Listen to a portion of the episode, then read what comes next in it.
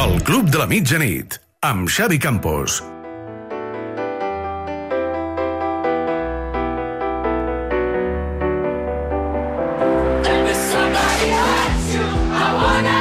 Sis minuts per sobre de dos quarts de dotze de la nit. Molts ho pregunteu. Aquesta és una versió de l'Another Love de Tom Odell que podeu trobar si poseu TikTok Another Love al buscador de Spotify o a qualsevol altre buscador. Ja ho sabeu. Som al Club de la Mitjanit a Catalunya Ràdio amb l'Ori- amb l'Oriol Domènech, l'Oriol Rodríguez, la Sònia Gelmà, el Jordi Costa i el Ricard Torquemada. Ara hi afegirem més gent. Ara us explicarem eh, algunes coses de la futura sortida de, de Mateu Alemany, del Barça, del que ha passat, del que està passant, del que passarà. Abans, però, el partit de dimarts. Quin és el partit de dimarts? No hi ha cap dubte, Uri. Madrid-Manchester City. Sí. Tu hi aniràs? Jo vaig segur a l'Etihad i dimarts estem, estem pendent del tema entrades, que no, que no n'hi ha.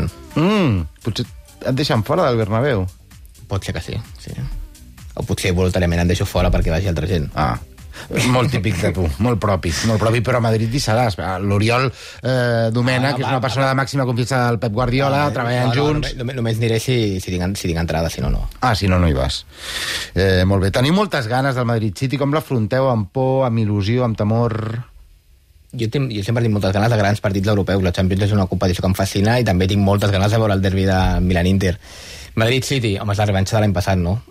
Mm, Si em preguntes per favorit, jo veig un punt per sobre el, el City.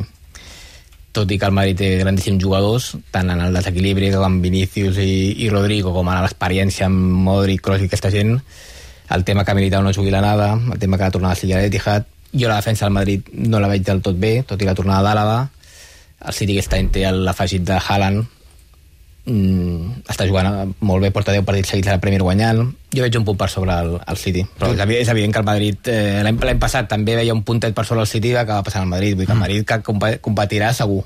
Tu també, Ricard, veus eh, per sobre aquest any el City? Sí, una mica la línia de l'Oriol. Primer, que, que a mi em fa també molta il·lusió. Eh, el- jo, jo crec que només el podem afrontar amb il·lusió. Eh, després el que passi... Quan acabi la tornada ja eh, Clar, ho i, i rubriquem. l'any que ve hi tornarem, vull dir, clar, eh, el Madrid va guanyar en Champions, la notícia serà que un dia no, no, guanyi, no la guanyi, per tant, eh, diríem que només tenim coses a guanyar, perquè tard o d'hora això es trencarà, però més enllà del resultat, que jo entenc que és molt llaminer i que genera aquesta eh, il·lusió en uns, la por en els altres, jo crec que des del punt de vista futbolístic és un espectacle que només es pot afrontar amb il·lusió, i jo també crec que el City és un equip ara molt més regular. Eh, Més que sòlid, té- no? Sí, sobretot jugadors com Holland, que marca diferències, eh, també defensivament, com dius, crec que l'equip ha millorat molt a les àrees, al City, no? I que, i que això el fa una mica eh, favorit, més enllà de la tornada també a Manchester, que jo crec que canvia una mica el que va poder passar la temporada passada a Madrid. Eh, però vaja, després al Madrid ja sabem que aquesta competició sap jugar-la i que regula i que sap aguantar moments difícils, esperant el seu moment. La veritat és que és una eliminatòria espectacular. Costa? Sí, sí, no, completament d'acord. Moltes ganes perquè em sembla el gran, el, el gran partit o els grans partits que li queden a aquesta edició de, de la Champions. Per la meva lògica futbolística, el, el City no és una mica superior, és molt superior, però el Madrid té la capacitat que Militao i Benzema, per exemple, que en els últims partits semblen els cosins de Militao i Benzema, doncs eh, bé, Militao no jugarà a la nada, però ja ens entenem. Vull dir que aquella capacitat que té el Madrid per, per convertir un moment normal o mediocre en un moment excels no la té cap altre equip i per tant em tranquil·litza la, la contundència de Holland i sobretot la tornada al, a l'Etihad, però vaja, no, tampoc estic segur que amb el Madrid en versió Champions això sigui una garantia definitiva. Sònia, tu estàs segura de res? Eh, tinc molta confiança en el City, però a mesura que s'acosti el partit eh, eh, apareixerà aquell, aquella tendència pessimista que sempre tinc i acabaré pensant que els del Madrid de cop són avions, vaja, que, que ho han demostrat moltes vegades, eh? Però així d'inici tinc molta confiança en el City i ho han dit tots i coincideixo plenament que el fet que la tornada sigui a l'Etihad per mi és clau. Oriol Rodríguez, el Madrid ara recordava el Jordi Costa la baixa de Militao, sancionat, haurà de jugar Rudiger i Àlava Sí. eh, com a centrals. Quines baixes té el Madrid? Mira, Mendy també està, en aquest cas, lesionat i no podrà jugar, i Ceballos, que es va lesionar a l'entrenament abans de la final de, de Copa contra l'Ossassuna, tampoc hi serà. I al City van veure Nathan Ake, el defensa, com es va haver de retirar en el partit contra el Leeds d'aquest cap de setmana, minut 10 de la segona part, va entrar Kyle Walker, aparentment Nathan Ake té problemes musculars i, clar, només queden 48 hores pel partit. Kyle Walker apunta lateral dret, eh, Uri? Jugarà segur. Jugarà segur. Entrem encara una mica més al Madrid City de dimarts al Bernabéu. Obrim el Futbol Club del Mas.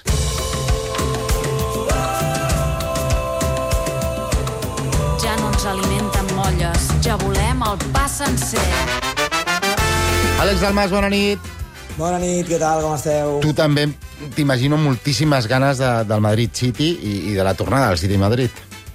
Moltes, moltes ganes. Jo crec que tots els que estimem aquest esport n'hem de tenir moltes ganes, no? Per mi, per mi és, la, és una supereliminatòria, és una eliminatòria entre el millor equip, sens dubte, de la temporada, que és el City, davant de l'equip que, que millor competeix, davant del millor competidor, l'equip que millor s'adapta. És a dir, que tots n'hem de tenir moltes ganes.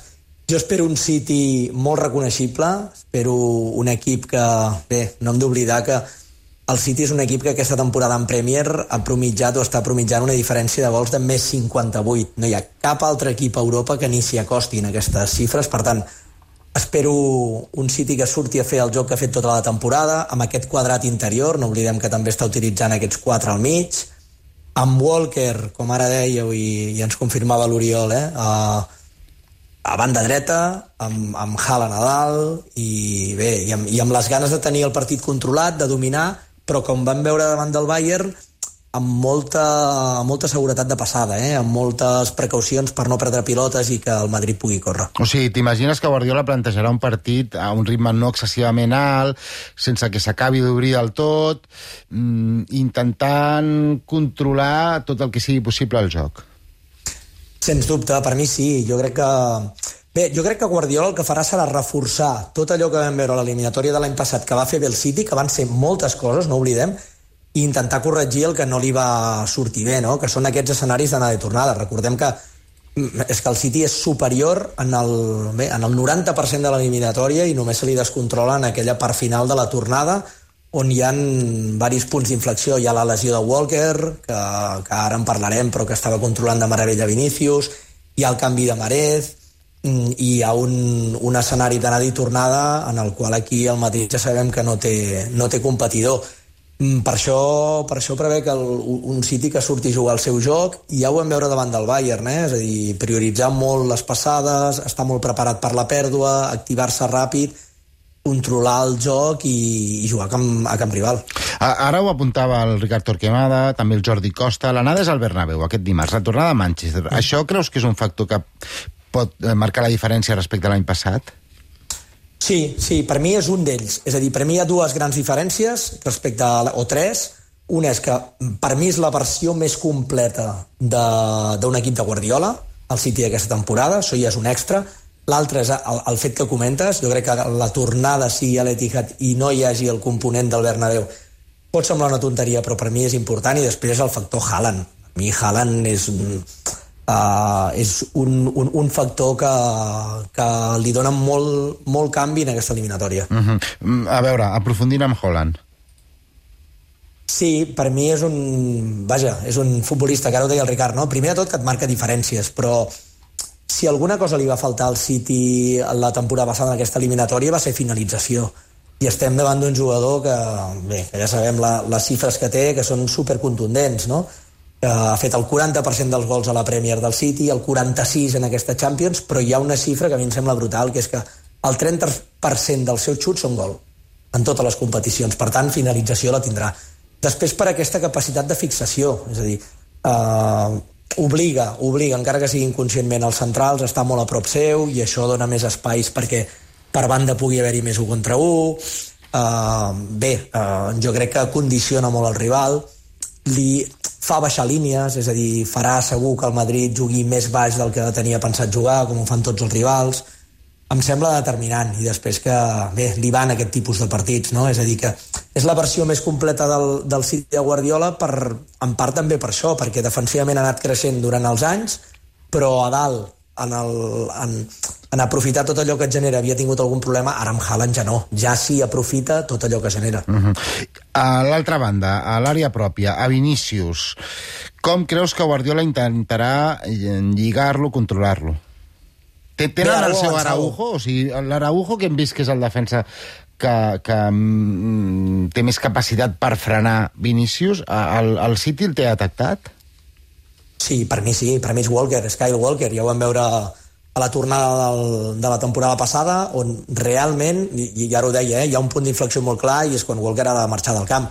Uh, en aquells 72 minuts Vinícius no va tenir l'impacte que acostuma a tenir i això que l'equip el va buscar va provar 6 1 contra 1 i només va superar Kyle Walker una vegada per tant jo crec que és Walker i no oblidem que darrere de Walker hi havia Rubén Díaz, que aquell dia va jugar molt a propet seu, donant-li ajudes. A mi no m'estranyaria gens que pogués repetir el mateix format, eh, amb aquesta defensa de 3 o aquest, aquest sistema que canvia en pilota i sense pilota, però que veiem a, a Walker i, i per darrere o per darrere molt a prop a les ajudes a Rubén Díaz. Recordes que Ah, el diguéssim- Walker al, al Bernabéu i, i mm. que va fer un marcatge uh, important i, i, i molt eh, efectiu amb, amb Vinícius. Jo, el que estic recordant, i ara m'he posat el vídeo dels highlights del partit d'anada i recordo un golaç de Vinícius o una gran jugada de Vinícius eh, que deixa passar la pilota per sota les cames, se'n va... En, en aquell gol el que falla crec que és Laport, Ah, que, que va, va corrent al seu costat i no acaba d'entrar-li mai i, i el deixa que xuti amb facilitat.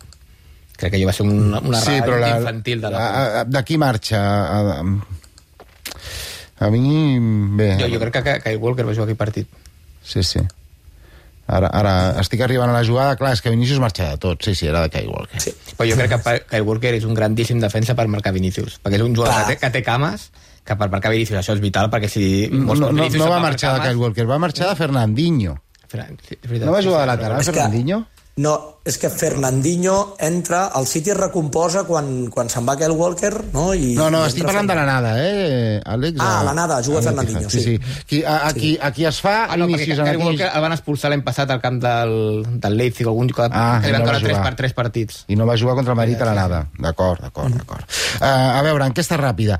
Qui creieu que serà més determinant i marcarà més diferències a l'eliminatòria? Mm, això no vol dir que passi el seu equip, eh? perquè eh, en futbol juguen 11. Holland o Vinícius, Uri? Holland, va. Holland. Sònia, Com que crec que passarà al City, Holland. la prou... tu pots respondre Ja. el que vulguis, però no vol dir que potser Sí, ja Vinícius no vol fa un dir, hat-trick però i jo tres crec que en assistències i aquest passa al cas City. serà. D'acord, Jo crec que Holland, sí. Holland. Costa, Vinícius, però crec que passarà al City. Ricard, Holland. Holland. Àlex, Exactament com el Jordi. Passa al City, però Vinícius. Molt bé, 3 a 2 per eh, Holland. Dimarts fem especial Tot Costa a l'API web de Catalunya Ràdio per seguir en directe el Madrid City a partir de les 9 i fins a les 11 aproximadament i repetirem el dimecres 17 de maig amb el partit de tornada a Manchester, que fa pinta que serà el decisiu. Però vaja, eh, esperem primer el que pugui passar dimarts a les 9 del vespre al Bernabéu en aquest partit d'anada entre el Madrid i el City. Ara toca Doncast.